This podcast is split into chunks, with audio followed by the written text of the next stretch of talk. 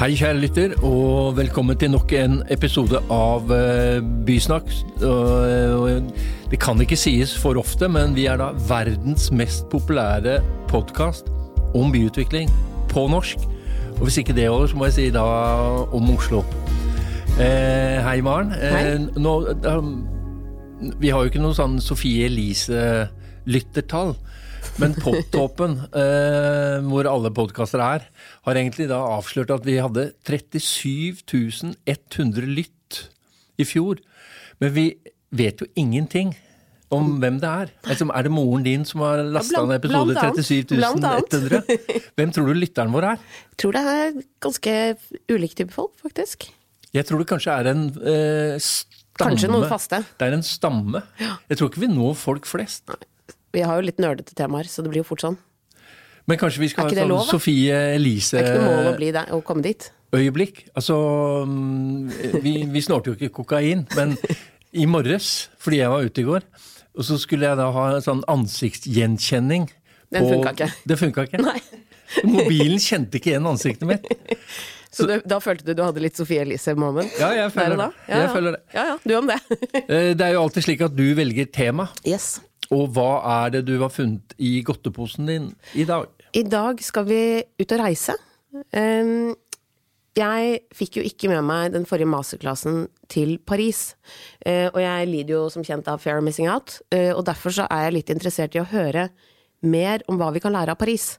Eh, vi elsker jo Oslo, men det betyr jo ikke at det ikke er room for improvement. Så derfor så har jeg lyst til å egentlig vite litt mer om hva man så og gjorde og snakket om på denne turen. Så fordi du ikke fikk være med på OMAs masterclass til Paris, så har du da kalt inn meg og gjestene for å vite hva som skjedde der? Ja. Ok, det er fint. Det var eh, Oma hadde engasjert to fagguider eh, i Paris. Endelig Vibe, velkommen. Tidligere byplansjef i 20 år. Eh, og Sverre Landmark, som har nå en finger med i det meste. Nå skal han også styre da utviklingen av Dokken i Bergen. Det er ikke Da blir bare- det bra. Det er ikke bare prosjektene i Oslo. Eh, hvis vi starter med deg, Ellen. Dere var da fagguider for henholdsvis dag én og dag to. Og kan du da starte med hva var det eh, vi så på dag én, og hvorfor? Altså jeg har først lyst til å si Erling, at det som er interessant med Frankrike, som jo er et veldig sentralstyrt land, er at selv om de er det, så er de ganske konkrete og operative i det de jobber med. Um, For eksempel så har de fått en veldig omdiskutert, men likevel en lov som nå forbyr eh, byspredning. Altså enebolig, hyttebygging utover på ubebygd land. Um, og da har de laget en lov som gjør at man interkommunalt må bestemme hvor mye man skal bygge ned, og hvor mye man skal renaturalisere av ubebygd areal. Og man har eh, laget et system hvor regionen gir autorisasjon for hvor mye man får bygge ned, og, um, og så har man laget et slags monitoring observatory som skal følge med på om loven faktisk blir fulgt. Det er noe for Gjelsvik. Eh, og så er det um, sånn at man da sier at man kan kombinere uh, renaturalisering og nedbygging, og lage et marked av de herlighetsverdiene, da, for å kalle det det, uh, som kan kobles. Og at man har en byggeskatt, et eget element i en byggeskatt, som gjør at hvis du bygger utafor byene, så eh, må du betale mer skatt, og de pengene skal gå til å hjelpe frem fortetting og, og um, renaturalisering. Jeg tenker det er et utrolig kraftfullt eh, juridisk verktøy eh, som eh, kanskje ikke norsk eh, statsråd ville greie å få til, uansett parti. Men nå har du i hvert fall eh, planta ideen hos kommunalminister Sigbjørn Gjelsvik, som da er Kan lytter. han er en av de som hører på, kanskje? Ja, Burde La oss, være- burde være det. La, la oss håpe det. Jeg har, jeg har for så vidt vært i et møte med ham for ikke så lenge siden om ansvarssystemet i Norge, og da fortalte jeg om denne franske loven.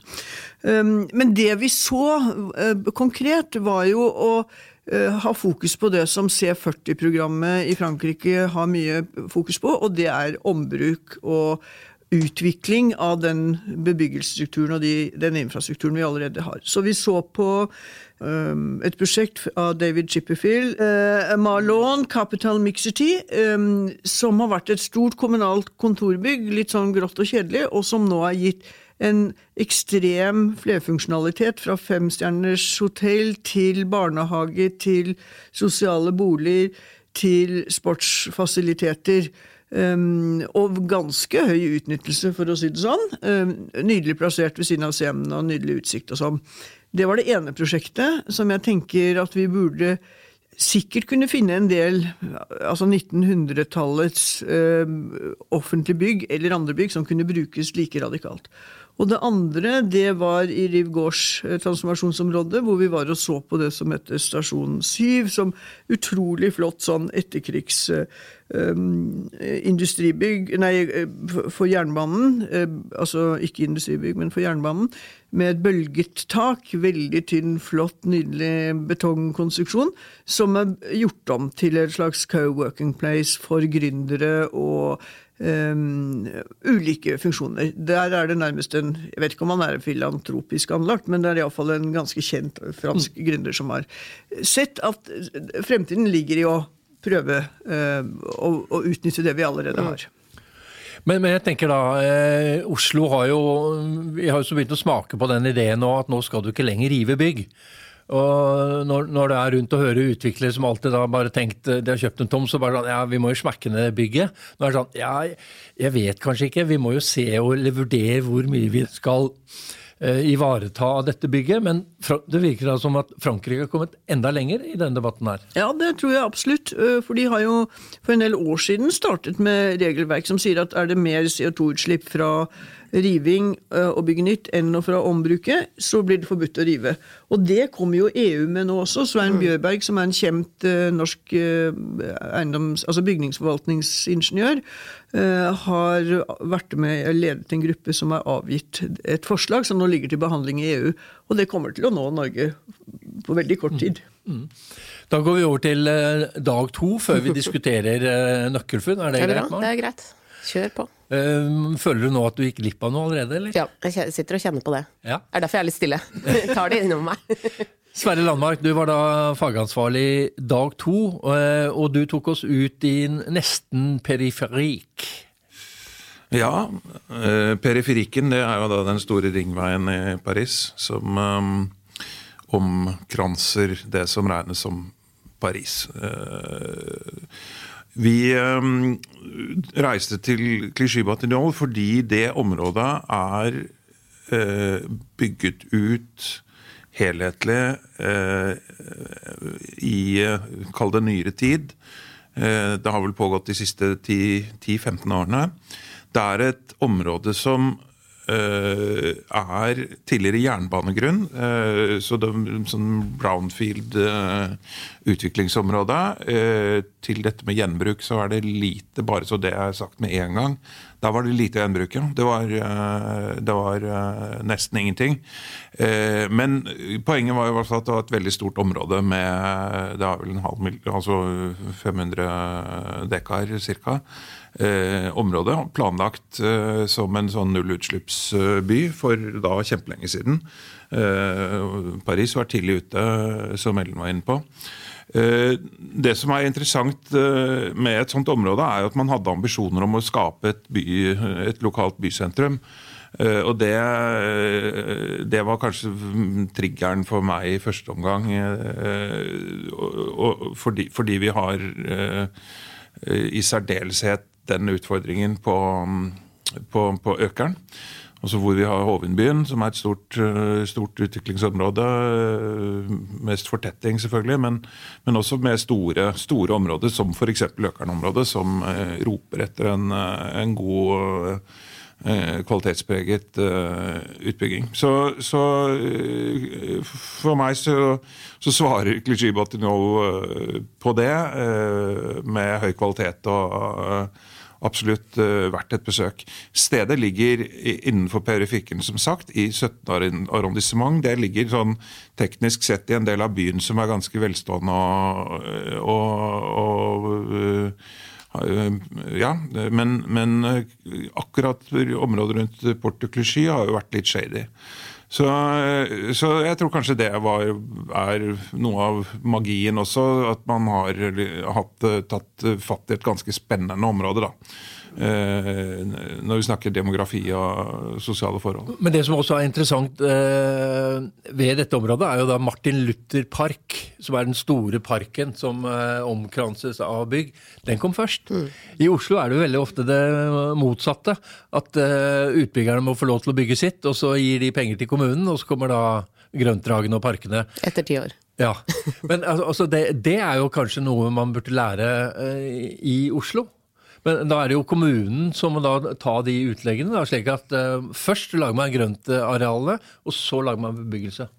Vi har jo ett eksempel i Oslo hvor, dette, hvor, det er gjort på en veldig forbilledlig måte. og Det er jo Fridtjof Nansensparken på Fornebu. Mm. Men der var jo staten og kommunen grunneiere, så det var jo lettere å få det til, selvfølgelig. Jeg tenker at det er jo noen ting man har gjort. Dronning Eufemias gate ble plantet med trær lenge før det var hus som ble bygget. ikke sant? Men, men det krever en slags pågående fremoverlenthet som vi kanskje av og til mangler, fordi vi bruker energien på de avtalene med utbyggingsavtalen og sånn. Mm. Og da tar det tid, og ja, tar lengre tid å få det til. Og så er, så er det en måte å uh, skape den identiteten som man alltid sliter litt med i et type stort transformasjonsområde. Ja. Uh, og gjøre noen av de, de uh, grøntdragene eller de liksom, bymessige kvalitetene først. Så det er jo en god løsning på det også. Men de har jo også en annen ting de har gjort der, ikke sant, Sverre? Og det er jo det store justisbygget med hva var det, 90 rettssaler. Uh, Rense og piano, veldig flott interiør, lyst, flott interiør. Uh, selv om det er et høyt bygg som mange kritiserer. Og det var jo mye debatt blant de dommerne at de skulle ikke, nei takk, ut til dette litt uh, sånn usentrale området. Men det går jo helt bra når man først har flyttet. Ja, det, men det er også interessant, fordi avslutningen av Martin Luther Park og før du kommer til da, selve motorveien, er jo da et gigantisk høyhus av Renzo Piano. Det er også ganske Trengte dette området nødvendigvis dette høyhuset som en type sånn avslutning eller markering? Eller er det bare sånn der er motorveien, da kan vi bare lage en gigantisk støyvegg? Altså, jeg vil jo si at uh, Jeg hopper litt over akkurat den problemstillingen med høyhus. altså fordi Det som uh, var på det, altså det som for meg var fascinerende, er at de har, det virker som om de har planlagt utrolig godt. Uh, om det er tilfeldigheter eller om det har vært villet, det er jeg litt usikker på. Men, men parken først. mange bygg langs parken, boligbygg særlig, vokste opp. Det er ganske variert òg? Og variert. Og så kommer det da til slutt nærmest. Det der store justispalasset som er, et, eh, som er jo fantastisk når det gjelder kritisk masse. Fordi det er jo 2500 mennesker som, som, som, jobber der, men i tillegg et veldig veldig stort antall mennesker som daglig eh, besøker det. Så, så, så det, det, er mange, mange ganger det tallet som er der daglig i forskjellige eh, ærender i, i, i rettsbygningen. Men, men, sånn at du først har parken, og så lager de denne fantastiske plassen som er nesten litt for stor til å være fantastisk, men, men, men er en ordentlig god, gammeldags plass foran dette, dette justispalasset.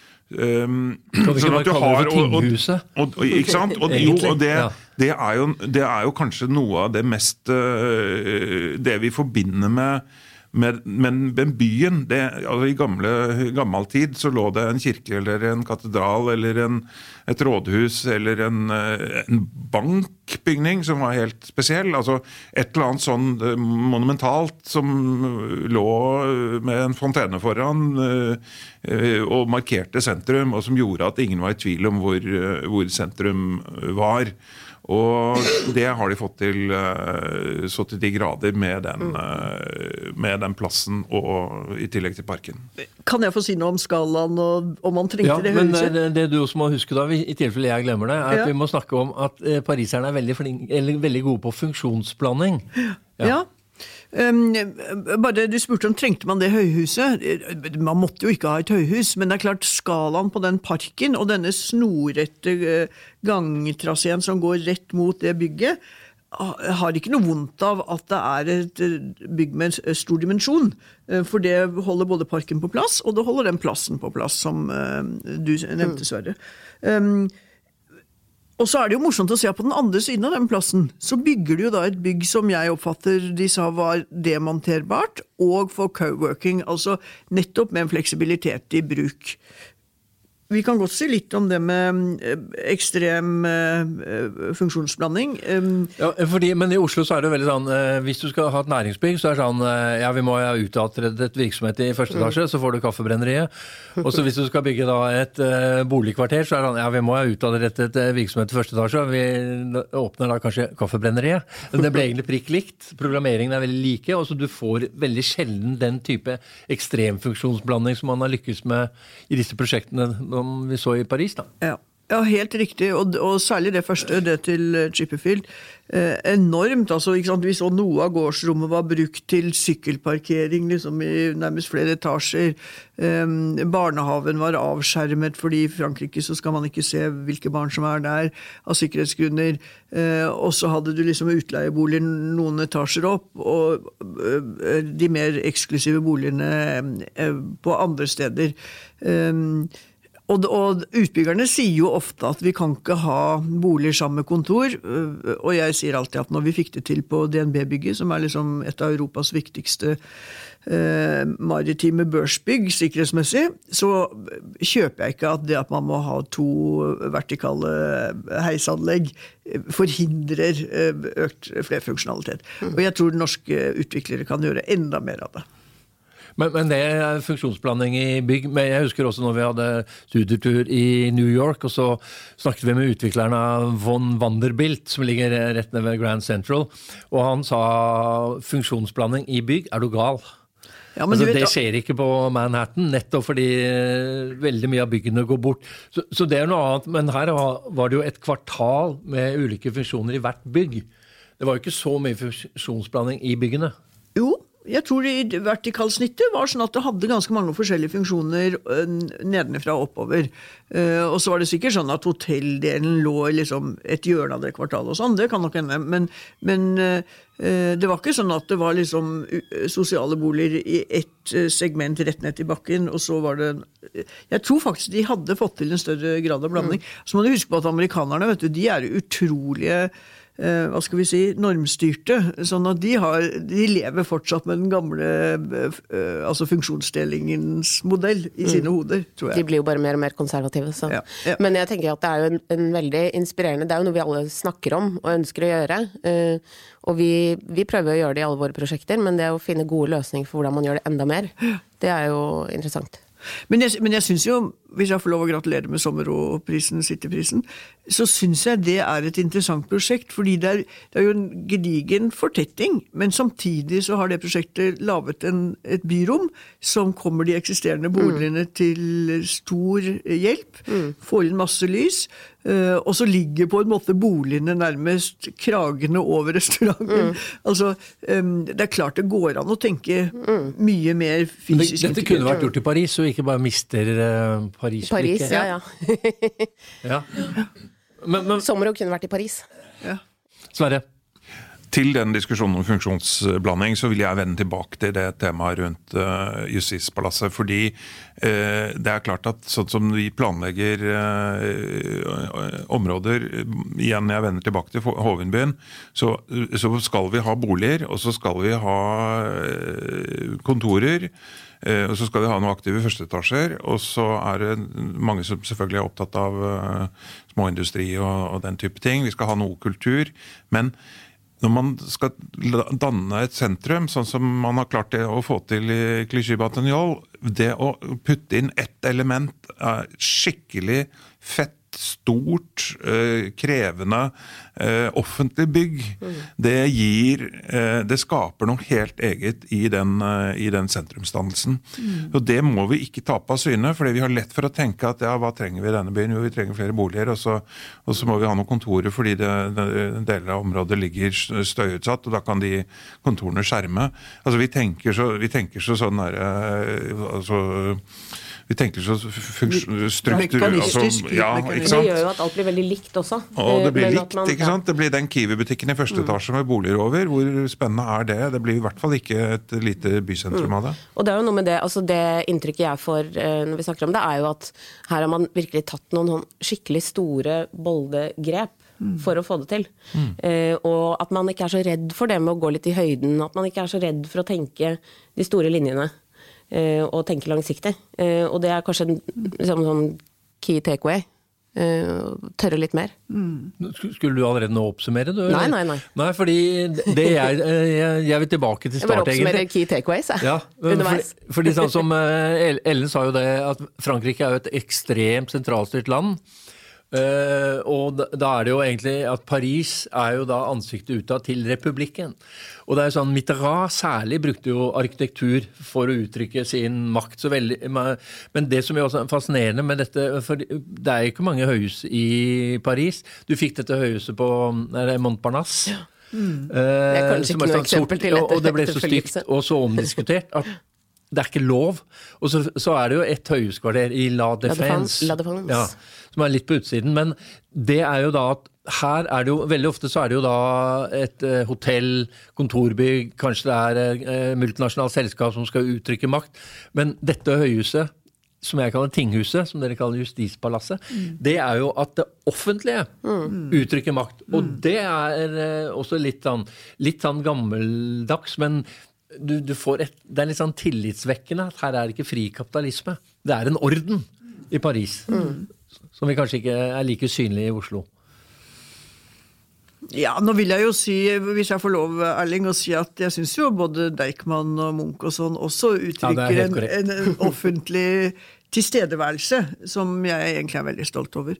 Um, men det er klart det der, hvordan får du koordinert offentlig Altså om det er kulturfunksjoner eller undervisningsfunksjoner eh, tidsnok inn i disse byutviklingsprosessene, eh, sånn at de kan være med som en kritisk masse, eh, det er jo en utfordring. Og eh, jeg leste et eller annet sted nå en gjennomgang av eh, eh, en som har tatt en doktorgrad, eh, italiensk sådan, om fortettingen i Oslo. Om hvordan de offentlige prosjektene, eh, eller også kommunens utvikling av egne tomtegrunn til boligbygging, tar lengre tid enn de privates prosjekter. Og det syns jeg er interessant. Hva er det som gjør at kommunens egne eh, utviklingsprogrammer da, tar lang tid? Altså Økern Torgvei, eller ikke sant, hva de heter for noe, disse forskjellige prosjektene. Um, fordi det burde jo heller være pådriveren uh, å gå foran. Um, så det burde man se litt på. Og det er kanskje noe Frankrike får til, da, som ikke vi er gode nok på. Men også avslutningsvis til deg, Sverre. Hva, hva tenker du, hva er det da vi faktisk kan lære av Paris? For man drar jo til andre byer for å Eller, eller det er jo viktig også å si at uh, her har vi ingenting å lære, og så blir man litt stolt på vegne av byutviklingen i Oslo. Men uh, hva er det du tenker som så at dette kan vi faktisk lære av å implementere i Oslos byutvikling? Jeg vil si at um, utviklerne må jo aldri slutte å la seg inspirere av hvordan ting gjøres, uh, gjøres andre steder. Eh, og så må vi eh, fortsette å bygge videre på den utviklingen vi, vi har sett de siste årene, hvor utviklerne har ambisjoner eh, om å, skape en bedre by. Eh, og eh, så er det de, det offentlige sektor som jeg eh, mener eh, burde reise mer. Eh, inspireres eh, og forstå alvoret når man lager en strategisk plan for Hovindbyen. Så må man forstå at det, det ligger noe mer enn bare å få på plass hygienefaktorer. Eh, Det er å, det å skape den magien som skal til for, skape et, for, å, for at et område skal bli attraktivt, i den forstand at, at hit kommer vi for å gå på kino teater, møtes ved fontenen å gå og ta et glass, eh, det henger sammen med det at det stedet har en, en justisbygning, en, eh, et rådhus, en, en funksjon som er med på å identifisere det stedet. Sånn at, at, at, at kommunen er noe mer enn bare en, forvalter av en hel haug med planprosesser, som vi egentlig ser eh, i dag. Eh, Hovindbyen er noe, he, er noe mye mer enn eh, en hel haug med pågående planprosesser. Maren, eh, det blir ikke så lett for deg å oppsummere hva, hva vi lærte deg i Paris, men du kan egentlig kan ja. Hva har du lært eh, i disse 25 minuttene? Jeg har jo tatt notater og skjønt at jeg må ta en tur til Paris. Det er jo det jeg har eh, i hvert fall fått med meg. Eh, Jeg har jo vært der, men eh, en liten recap. Det eh, skal man være Og som eh, Sverre sier, er- hvis man har ambisjoner, eh, så må man også kunne la seg inspirere. Eh, Og da er det jo viktig å komme seg ut på tur. Det er fint. Og til alle dere som lytter. altså Man har jo en forestilling om Paris eh, altså er innenfor denne motorveiringen. Eh, og der er det vel er, er det 20% eller noe sånt av parisere som bor bare. Man tenker bare på det som et gigantisk sånn åtteetasjers eh, museum. Men det ser egentlig en vanvittig transformasjon også av eksisterende bebyggelse. Som jeg tror Oslo kan lære noe av. Tusen takk for at dere kom. Elde Vibe. Sverre Landmark, eh, vi møtes sikkert eh, igjen. Og tusen takk til deg, kjære lytter, som hørte på. Og nå regner jeg med det allerede nå, at eh, nå er det utsolgt på Parisreiser. Hele dette året her, og så kommer vi tilbake. Så kan dere da si ja, jeg har lyst til å være gjester i Bysnakk, fordi det jeg lærte av Paris, var Er ikke det en god Vi kan ta en follow-up. Ja, Ja. det må vi gjøre. Veldig bra. Takk, for for at dere kom. Ja, og takk for at du hørte på, og takk til deg, Maren. Vi ses hvert øyeblikk.